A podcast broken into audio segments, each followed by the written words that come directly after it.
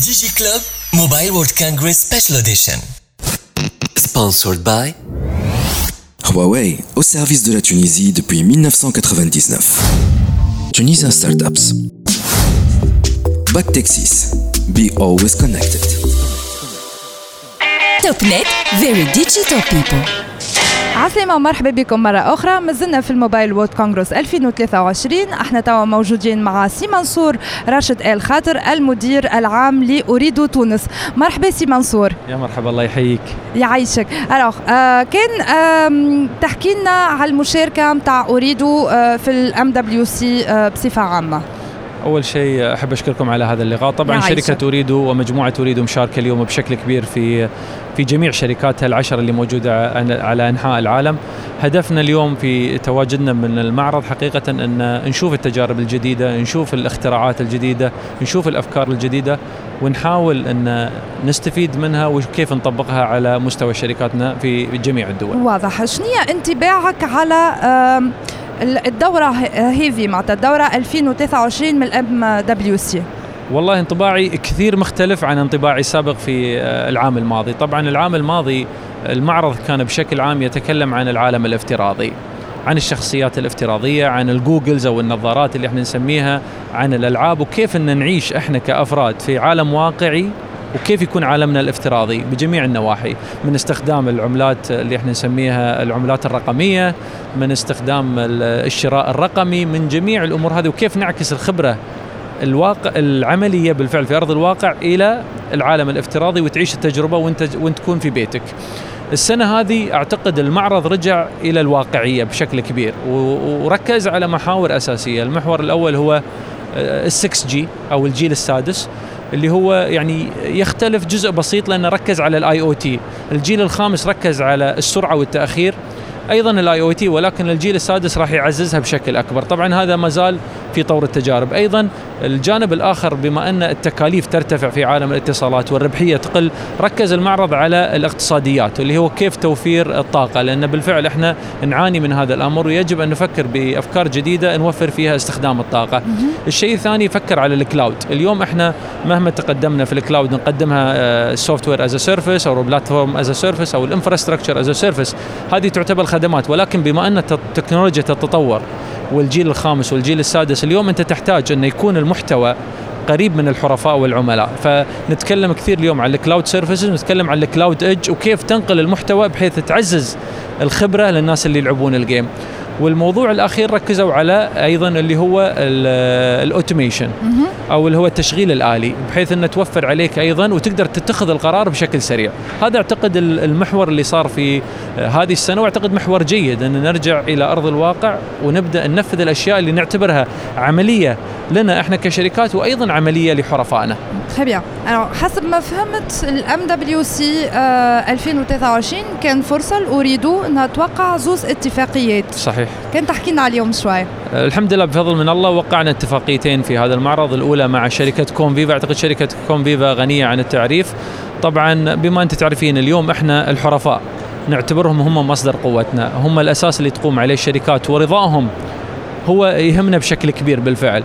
فبما أن رضا الحرفاء يهمنا واليوم لو تلاحظين أيضا الحرفاء تغير استخدامهم تغيرت طريقة تفكيرهم من قبل سنتين قبل ثلاثة بعد الكوفيد صراحة الاستخدام تغير. فاليوم الحرفاء يتطلبون من عندنا أشياء جديدة خبرات جديدة خدمات جديدة أشياء يقدر يعمل الأشياء بشكل أسرع مما كان يعملها في الماضي اليوم.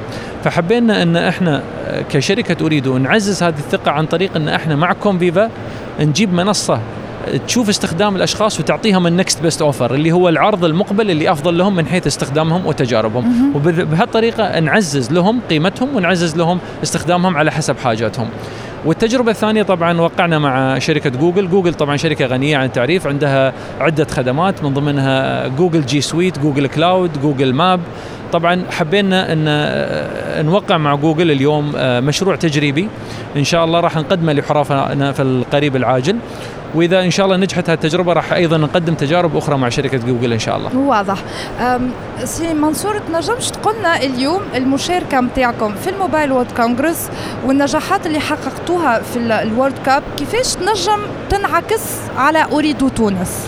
آه، سؤال طيب وسؤال جيد صراحة عموما اللي اللي الهدف اليوم مثل ما ذكرت في البداية تواجدنا في المعرض اللي هو نقل الخبرات والتعلم من الآخرين وبالذات المنتجين والمصنعين. ونحاول نشوف ما مدى موائمتها معنا في تونس وما مدى تواكب تواكبها أو تماشيها مع استراتيجيتنا بشكل عام.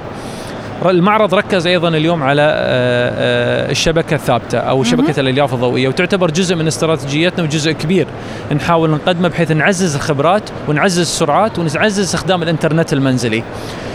طبعا تجربتنا في كأس العالم كدولة قطر اللي نحب من نهنيها أيضا على النجاح الكبير. إحنا كشركة أريد حققنا نجاح باهر فيها وأحب أهني إخواني في أريد قطر على هذا النجاح الرائع. طبعا أكبر آه، استخدام لإنترنت أو جيجا بايت حققت آه، قطر في آه، في نهائي كأس العالم. أكثر من 45 آه، تيرا بايت استخدم في في في يوم المباراة النهائية. طبعا هذا حجم كبير.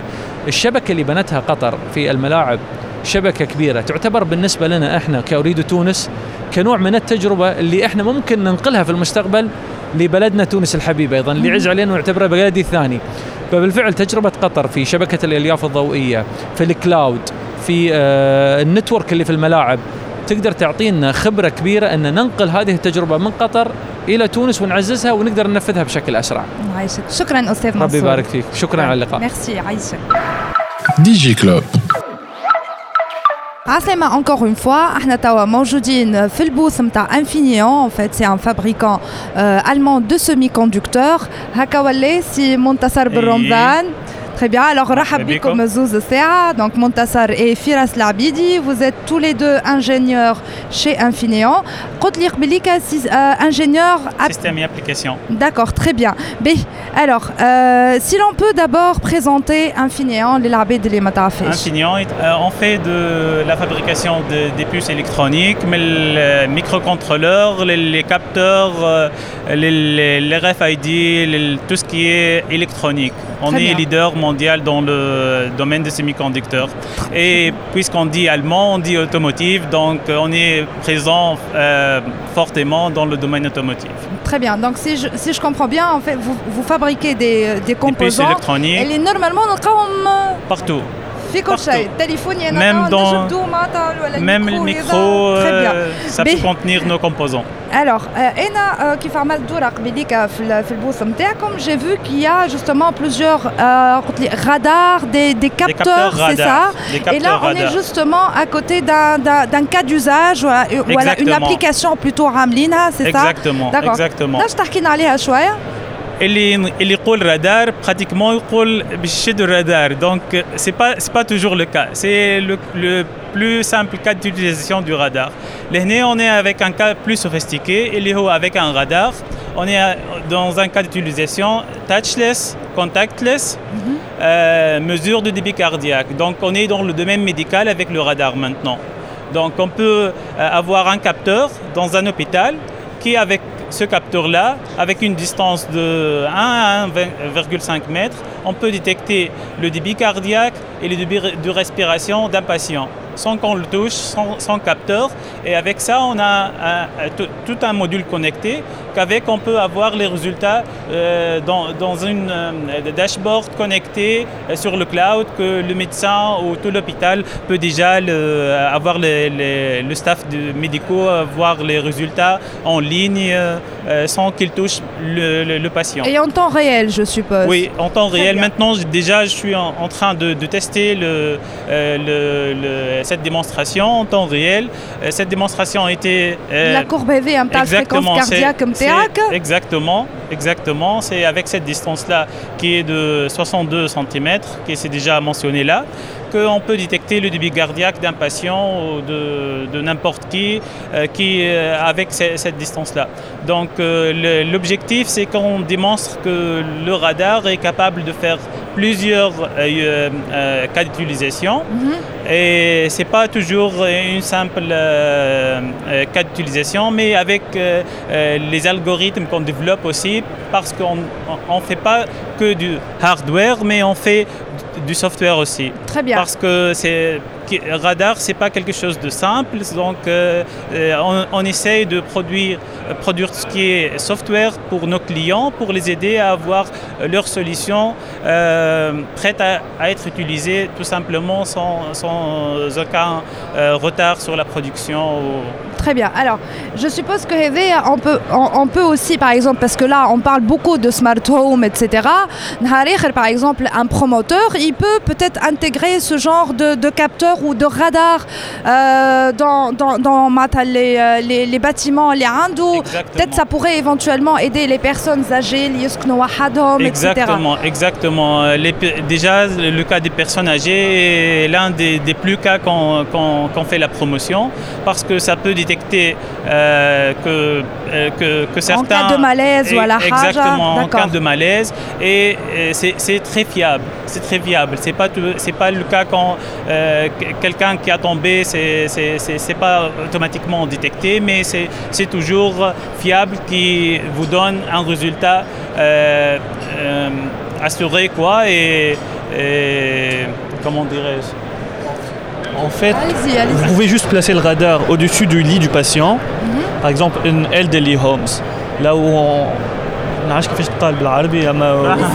voilà les hôpitaux, voilà les hôpitaux par exemple tu places le radar juste au-dessus, au-dessus du lit du patient et en fait le radar va détecter qu'une femme a une anomalie في respiration ou à la fréquence cardiaque on va dire en fait il y a directement une notification l'infirmière ou le staff médical اللي هو باش يفيق به directement ولا حاجه اخرى ان كا ايزولي تحطوا في تحط الرادار هذايا في لي سال دو بان وفما عبد يزلق باغ اكزومبل ولا حاجه هكايا ديريكتومون يديتكتي اللي العبد هذاك زلق ويبعث اون نوتيفيكاسيون للبارتنير اللي عايش معاك كان البارتنير هذاك ما يجيش يولي ديريكتومون يكلم لي زورجونس Très bien. Ça, ça, peut être vraiment très ah, efficace. Voilà. C'est l'une des choses qui peut être euh, oui. très utile. Oui. Euh, life saving. Exactement. Très bien. Exactement. Alors j'ai vu aussi qu'il y a euh, des Smart. lampes intelligente مقبليك احنا نتعداو هما يشعلوا ولا تشعل وجي با بيان سيزي الحكايه خاطر enfin يشعل ويطفي en fonction du mouvement c'est ça exactement. très bien alors euh, Firas tu veux prendre la relève ah, peut-être nous expliquer un ah. peu euh, comment ça marche en fait on est عندك le radar كما تشوفوه هنا c'est ce radar là c'est la partie هذه تشيب هذيك الكحله Voilà, c'est ça. Et en fait, c'est ce semi-conducteur-là que tu vois, le radar. Très et bien. ce qu'il fait en fait, il détecte à travers les matériaux, tant que ce n'est pas du métal, ou en fait, par exemple, il est placé dans la Samsung Frame TV. Mm -hmm. Le but de ce radar-là, c'est du smart power saving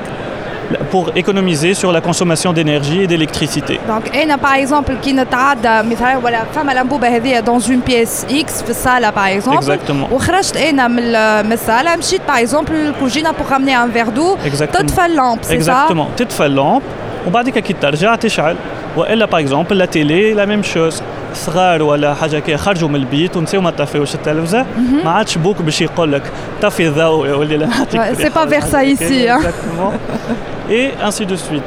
On est, en fait, ça c'est un compétiteur qui est, c'est une autre genre de, c'est un autre genre de technologie et qui m'a cette technologie-là, elle a besoin de lentilles. Elle est placée en cas un peu débile. Elle est placée dans toutes les toilettes publiques en fait. آه اللي الشاس دو نتاعهم تخدم وحدها الشاس دو تخدم وحدها ولا حتى في الضوء ساعات لازم تعاود تعمل هكا باش الضوء يشعل جو فوا الغدار هذايا tant que tu es en vie et que tu respires il va toujours te détecter il va pas y avoir de failure Mm-hmm. Mhm. Exactement. Voilà un cas, l'Israël, c'est à Singapour. على فازة لي بومبيي معناها كان il y a du feu ولا حاجه كيك او فما fumée العبد il est inconscient il peut pas crier à l'aide Mhm. le radar هذايا il permet aux pompiers de dire que la Détecter. personne qu'il y a une personne et, et personne ne sera laissé derrière معناها Très bien, حاجة très هكا. bien, très très bien. Alors, euh, est-ce qu'il y a, euh, en fait, هذه قلت لي معناتها c'est c'est juste une lentille هذيك اللي Exactement. هذه هو راكب هوني c'est لا ça هو راكب هنا ورا الماتيريال هذه حاجه D'accord. اخرى شفت اللونتي هذه حاجه مش مزيانه احنا نحبوا نوريو للغدار نتاعنا خير من الحاجة هذيا نجم derrière chaque matériel Je vois. فهمت و quand même il va être capable de détecter par exemple cette lumière là cette lampe là elle est connectée للكابتور هذايا Oui. تحط على قدامه الحاجة هذايا شوف تويك إحنا ما تحركش باش تدفع ما عادش تديكتيك alors que le radar il détecte à travers les matériaux باش تعمل هكايا باش تقعد. ديما تشعل اللوميير هذايا Exactement. Ça, en fait, c'est le farq ma votre technologie à vous voilà. et la technologie qui est sur le marché. D'accord, très bien, très bien. Alors j'ai vu aussi qu'il y a des, des, speakers aussi et d'autres cas d'usage. Bon, malheureusement, on ne peut pas montrer ça parce qu'il y a, y a des gens qui sont en train de, de faire des démonstrations, mais est-ce qu'on peut quand même en parler? Parce que Kate, le speaker, c'est un peu le même modèle, c'est ça? Exactement, c'est pour avoir une meilleure expérience sonore. Qui m'a par exemple qui toque un speaker musique, voilà, le volume il va diminuer, mes speaker, le volume il va augmenter. Mhm. Tu peux aussi utiliser la gestuelle, la reconnaissance de gestes.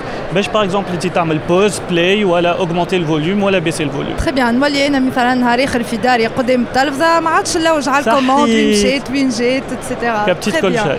Très très bien. Mais انا نحب نرجع على المنتصر.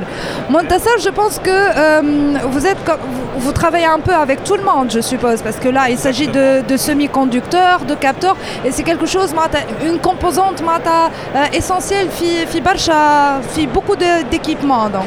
Exactement, donc nos produits déjà existants, fi des produits finaux c'est encastré quoi mhm. en fin de compte mais c'est on existe déjà sur le, tout ce qui est IoT et consumer et on existe aussi sur la partie automotive. Donc c'est pratiquement c'est les deux axes euh, que nos capteurs euh, essayent d'intégrer ces deux euh, marchés là donc pour l'automotive on a aussi des capteurs pour l'automotive. Donc ça peut capter le nombre de personnes dans une cabine. Mhm. Et s'il y en a un enfant ou pas, parce qu'il y, y, en a un risque si un enfant dans une cabine euh, enfermée en été, mhm. c'est un risque. Quoi. Ça notifie déjà les parents et ça notifie même les, SAMU. Quoi. Et on a pour le, IoT, on a plusieurs euh, modules intégrés pour l'IoT comme euh, le, Smart Lighting here. vital sensing, gesture sensing. Très bien une très variété d'applications. Très bien. Merci beaucoup Sidi. Merci Firas. يعيشكم. دي جي كلوب وفات اليوم نجموا تسمعونا وتسمعوا بقية الحلقات على ساوند كلاود أنغامي سبوتيفاي اي تيونز وجوجل بودكاست برعاية Huawei au service de la Tunisie depuis 1999. Tunisia Startups. Back Texas. Be always connected. TopNet, very digital people.